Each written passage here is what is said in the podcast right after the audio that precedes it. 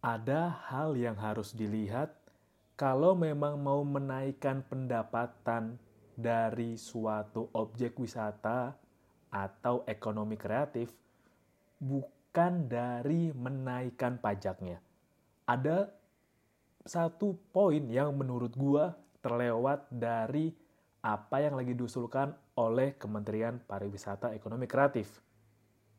Gue mau bahas di episode ini.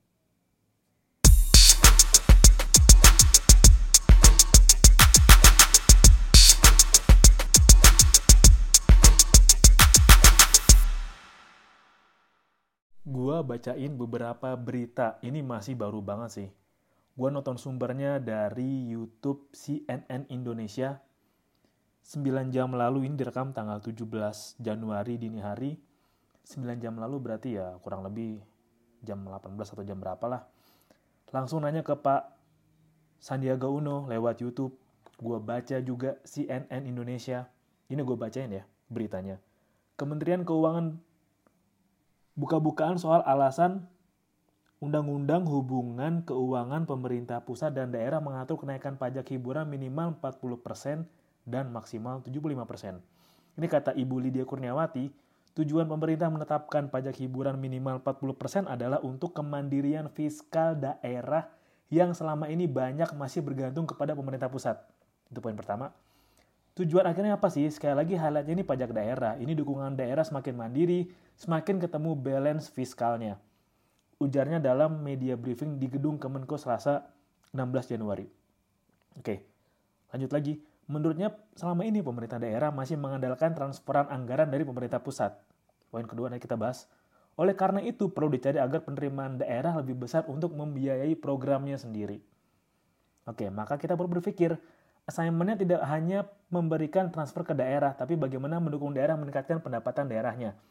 Namun ia menekankan, tidak semua sektor hiburan dikenakan tarif pajak 40-75%. persen. Hanya lima sektor yang penikmatnya orang tertentu saja yang terkena tarif besar itu. Adapun kelima sektor yang dimaksud adalah diskotik, karaoke, bar, dan spa. Sektor hiburan lainnya seperti bioskop, pagelaran musik, sirkus, pacuan kuda, warna air, toko kolam renang, peragaan busana, dan lainnya justru turun dari 35% menjadi maksimal 10%. Itu poin ketiga yang kita bahas. Jadi jangan asal bilang gebiah uyu, jangan digeneralisasi bahwa pajak hiburan batas bawah 40%, batas atas 75%. Oke, ini berita CNN dan ini yang merespon Mbak Inul kemarin. Gue baca juga beritanya di Kompas. Oke, penjelasan Kemenparekraf soal pajak hiburan naik yang menuai kritik. 16 Januari 2024 jam 14.15 dengan tim redaksi Mbak Alinda Hardiantoro dan Mbak Inten Esti Pratiwi.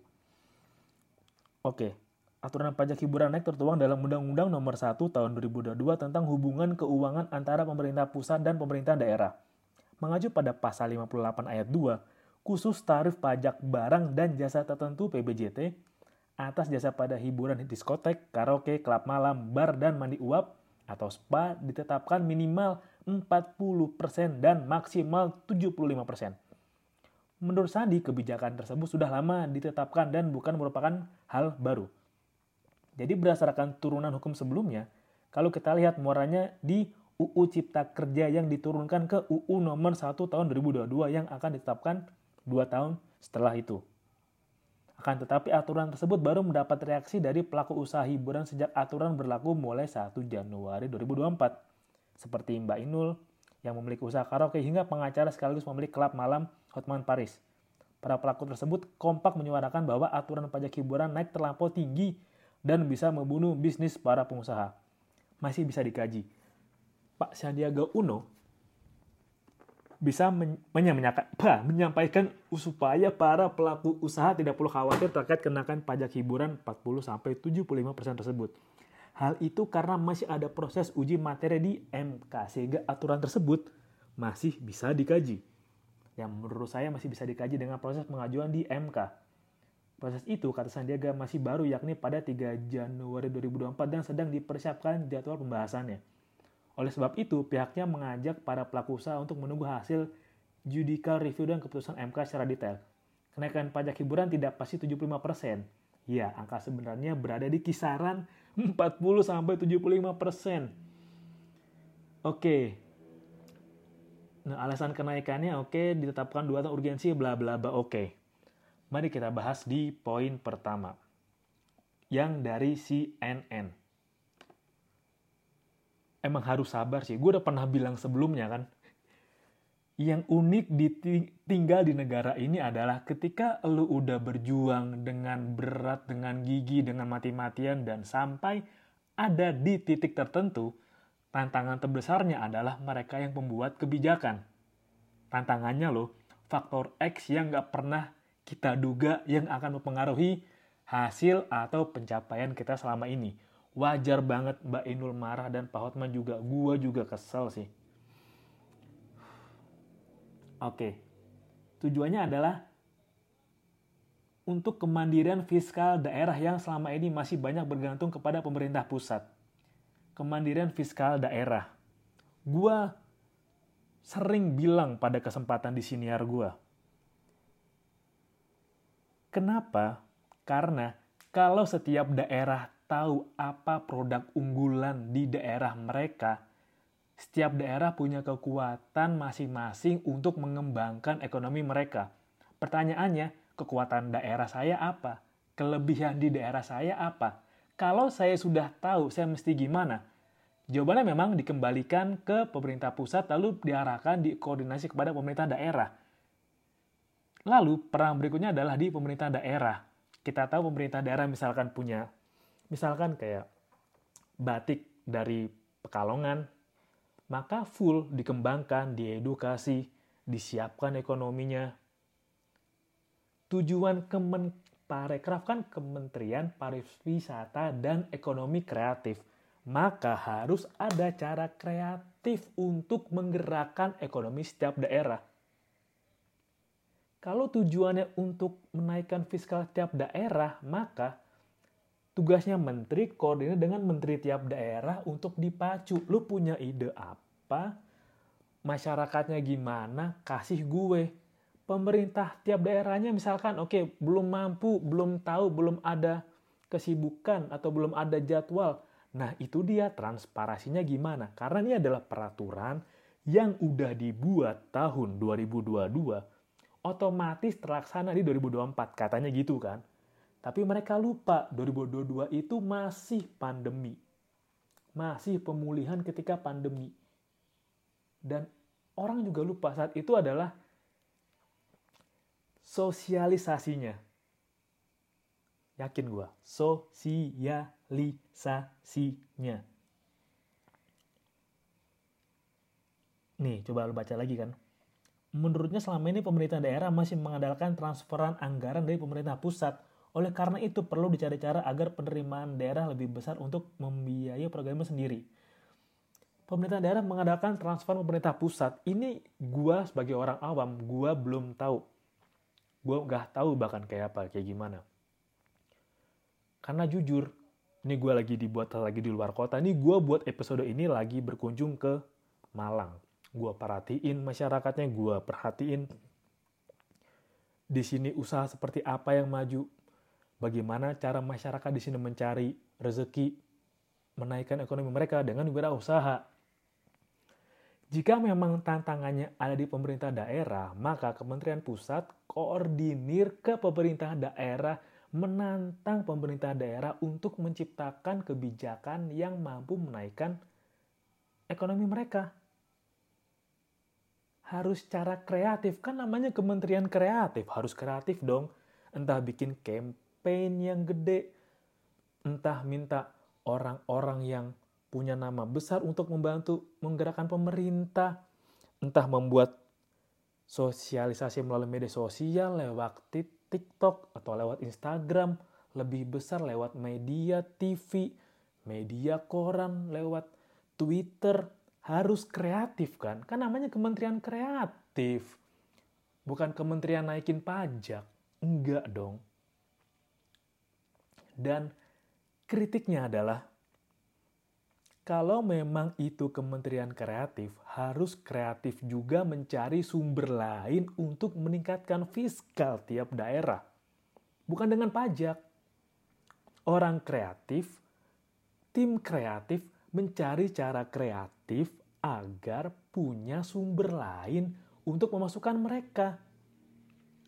Kalau daerahnya kurang mengerti gimana? Kalau daerahnya kurang gimana? Itu kan ada di luar apa yang masyarakat sipil tahu. Gua masyarakat sipil. Pengetahuan gua akan kebijakan tiap daerah, kekayaan tiap daerah terbatas. Terbatas banget. Karena emang gue nggak punya akses ke sana, gue masyarakat sipil, gue nggak tahu internal tiap daerah. Lah kalau lu nggak cari tahu, oke, okay, emang oke, emang gue nggak cari tahu. Tapi emang mesti jadi salah masyarakatnya, maksud salah masyarakatnya nggak cari tahu, ya nggak support. Kita banyak yang dukung, tapi kita belum sempat menyuarakan dukungan kita karena kita sibuk mencari ekonomi buat hidup kita sendiri. Itu yang gue, gue gemes sih, gemes gue gue suka bilang, di umuran gue, 30,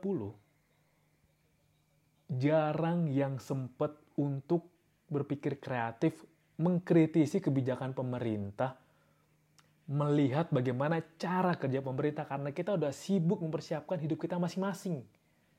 Berjuang mencari ini, berjuang mencari itu, berjuang melawan jalan pintas ini, jalan pintas itu. Pusing tau. Kebayang gue kalau Mbak Enul marah kayak apa. Nah, kita masuk ke poin berikutnya. Yang terkena kenaikan hanya lima bidang sektor hiburan, yaitu diskotik, karaoke, bar, dan spa. Mereka lupa. Tadi kan Pak Sandiaga bilang, ini sudah disosialisasikan ke Pulau Jawa, Bali, dan mana gitu kita lupa bahwa kita tuh Indonesia, kita itu besar, besar banget. Kita ibarat kapal Titanic, kita bukan speedboat, kita bukan jet ski, kita kapal Titanic, bahkan mungkin kita kapal Titanicnya Titanic karena kita membawa begitu banyak keberagaman sumber ekonomi dari Sabang sampai Merauke Emang lu kata diskotik, karaoke, bar, spa cuma ada di Pulau Jawa dan Bali? Ya tidak dong. Tapi memang kok ada banyaknya di sana aja. Tapi kan itu yang sudah punya nama dan sudah menengah. Bagaimana kalau yang bawah, yang masih merintis, yang masih hidup berdasarkan kedatangan pengunjung, gimana coba? mereka disurvei kah? Di daerah perbatasan ada kah? Kalau mau dilihat kan, karaoke itu ada karaoke yang mandiri, ada yang sudah punya nama, ada yang masih koin. Diskotik juga, memang diskotik tuh selalu yang mewah-mewah ya. Diskotik tempat biasa juga ada. Mereka gimana? Pertanyaannya kalau pajak naik, mereka orang mencari hiburan ke mana? Kalau nggak bayar pajak konsekuensinya apa? Kalau nggak bayar pajak tempatnya denda. Kalau orang itu nggak mendapatkan hiburan pelariannya ke mana? Dan mereka lupa. Orang luar negeri datang ke Indonesia mencari hiburannya di diskotek karaoke, bar, dan spa ini yang paling banyak. Terus kalau mereka kaget, Hah? kenapa pajaknya besar? Kenapa pajak untuk industri ini besar sekali? Dan mereka membicarakan ini ke sesama warga negara mereka. Kalau mau nyari hiburan di Jakarta atau di Indonesia, mahal guys. Pajaknya gede banget. Mendingan kita hiburan lain aja kayak bioskop, pagelaran musik, sirkus, pacuan kuda, wahana air, atau kolam renang ya memang orang luar hiburannya kayak gitu. Mereka entertain diri mereka dengan itu. Ya dengan diskotek karaoke bar dan spa. Kayak kalau mikirnya dengan menaikkan pajak, maka tiap pengusaha harus mengurangi sesuatu untuk memenuhi pembayaran kenaikan pajak itu. Jika ada yang naik, maka harus ada yang diturunkan dan pembuat kebijakan ini tuh lupa. Pengusaha selalu dibayar belakangan. Setelah bayar uang sewa, operasional, teknis, dana darurat, dan lain-lain, baru mereka dapat uang. Terus kalau pajaknya dinaikin, tapi kan justru malah turun dong. Bioskop pegelaran musik, sirkus pacuan kuda warna atau kolam renang. Iya, betul. Tapi kalau tujuannya adalah untuk meningkatkan ekonomi dengan pajak dinaikkan, maka yang terkena adalah karyawannya ini karyawan yang kerja, orang luar yang kaget pas dateng, loh kok mahal? Lebih baik saya hiburan di tempat lain. Wow. Dan 2022 itu kita masih berfokus pada pemulihan pasca COVID. 2021 COVID kan? Masih. 2022 juga masih kok pemulihan secara psikologis terutama. Psikologisnya loh. Gue harus sabar sih mengatur ini sih. Karena tuh yang kena dampak adalah pengusahanya lagi. Pengusahanya lagi. Ya kalau memang belum ada ide kreatif buat mencari pendanaan fiskal ya nggak usah pakai embel nama kreatif dulu Menko Pare aja. Menko Pare. Ya kan, pariwisata dan ekonomi. Udah, nggak usah pakai nama kreatif. Ketika ada embel-embel nama kreatif ya harus cari cara sekreatif mungkin dong. Sebeda mungkin dong. Misal nih, aduh belum ada kepikiran mau ekonomi kreatif dengan cara apa ye? Tuh, lu dukung diaspora stand up komedi ke luar negeri Bang Panji sulit itu hidup di Amerika cari panggung dan lain-lainnya sulit. Kata Bang Panji bilang, untuk barang-barang kita bisa masuk dan ada di Amerika tuh sulit ya itu dulu siapin jalur ekspor biar masyarakat luar di Amerika tahu tuh jadi kayak Awang Kitchen juga punya temen di sana atau Java Store tuh yang toko jual makanan Indonesia juga kenal dengan produk lain. Terus dibuat juga tuh, oh iya nih, kami punya tim audisi yang kerjasama dengan Amerika Got Talent Monday atau dengan kedutaan atau udah hebat tuh orang-orangnya paduan suara bisa keluar ya kan tau kan yang paduan suara sampai ke luar negeri tuh kampus gue juga pernah kan lomba paduan suara sampai luar negeri tuh diperbanyak dibukain jalurnya, disiapin prosedurnya, teknisnya kayak apa. Kalau dibuatin jalurnya lebih enak.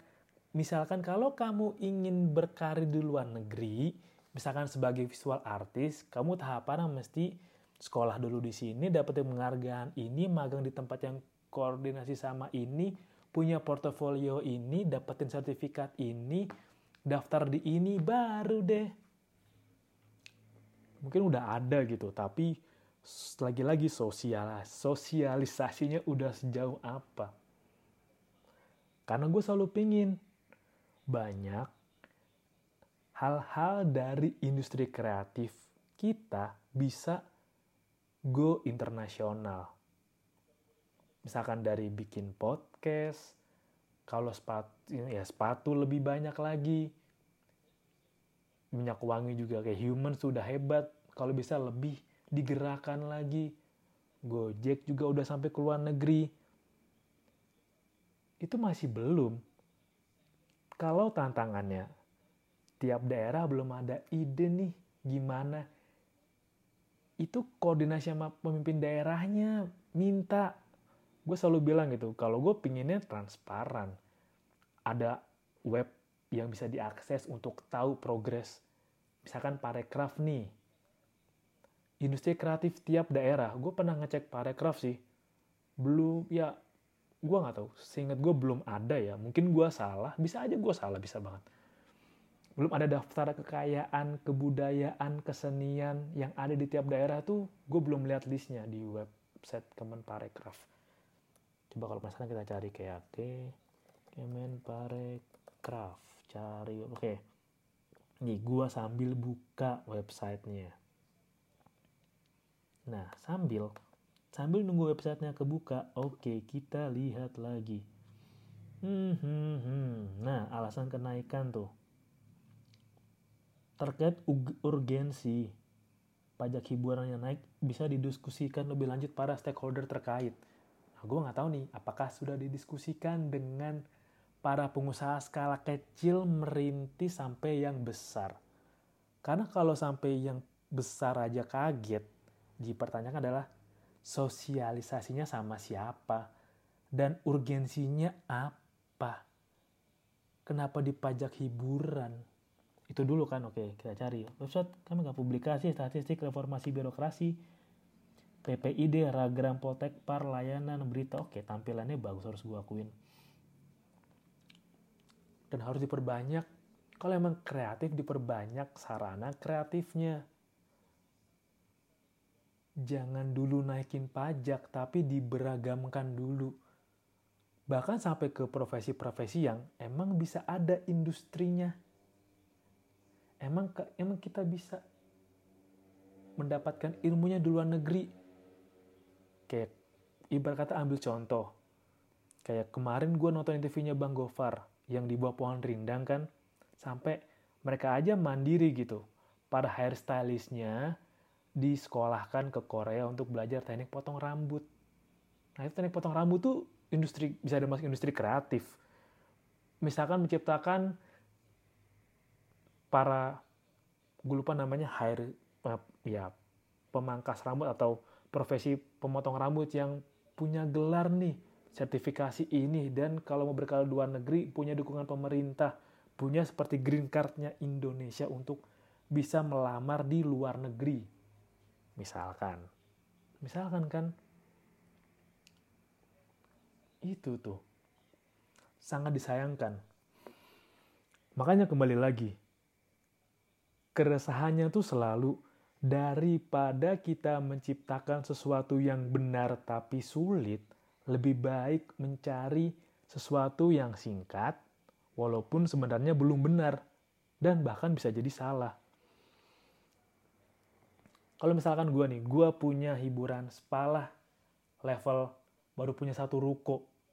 Gue nih, misalkan gue, gue pemilik spa nih, misalkan namanya ya low budget spa lah, gue baru punya spa, rukonya satu, baru ngurus izinnya, ngurus reklamenya, sewa gedungnya, uang keamanannya, baru nyiapin dana darurat buat 6 bulan misalkan, operasional, baru open nyari pelanggan, eh pajaknya tinggi banget. Yang mau ke tempat gua siapa? Pusing kan lu? Pusing lah. Nah makanya dipertanyakan lagi, Kenapa buru-buru naikin pajak? Berat lah. Kayak misalnya gue juga punya karaoke, gue punya karaoke mandiri, gue bikin nama pribadi nih. Emang, emang dikata nggak ada UMKM yang usaha diskotik karaoke bar dan spa? Ada lah. Ya cari hiburan lain aja nggak usah diskotik karaoke bar dan spa. Kenapa kebebasan untuk menikmati hiburan jadi disebabkan oleh naiknya pajak lah. Terus nyari hiburannya ke mana? Kalau ada, kalau ketemu alternatifnya. Kalau enggak, kita nggak pernah tahu psikologis orang. Kita nggak pernah tahu bagaimana cara orang melampiaskan stres dan mumet kalau nggak ada cara menyalurkannya. Kita nggak pernah tahu. Tapi kita bisa menyiapkan pilihan. Waduh, gimana ya? Sedih sih gue kenapa buru-buru naikin pajak di kala? Di kala nih di kala. Ini menurut gue pribadi. Kalau menurut gue ekonomi sekarang itu turun. Secara angka mungkin naik. Tapi secara perputaran turun. Karena kasus yang judol lagi rame itu juga berasa sih. Secara nggak langsung berasa ke kebutuhan ekonomi itu yang belum disorot dan ini lagi naikin pajak. Wow. Pelan-pelan emang mesti dibenerin dulu sih psikologisnya. Masyarakat dibantu. Masyarakat yang terjebak judi online tuh mesti ditolong dulu. Karena uang mereka yang harusnya buat perputaran ke industri lain justru kesedot di titik ini. Jadi tuh berputaran nggak optimal.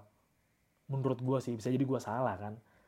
Tapi gue harap masih bisa dipertimbangkan dan dipikirkan lagi lah daripada menaikkan pajak mencari cara kreatif untuk punya sumber pemasukan lain dari tiap-tiap daerah.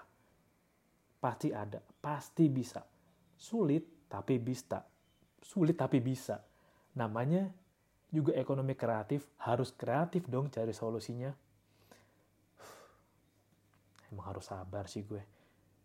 Sabar, sabar. Terima kasih udah dengerin episode kali ini dan sampai jumpa di episode berikutnya. Bye-bye.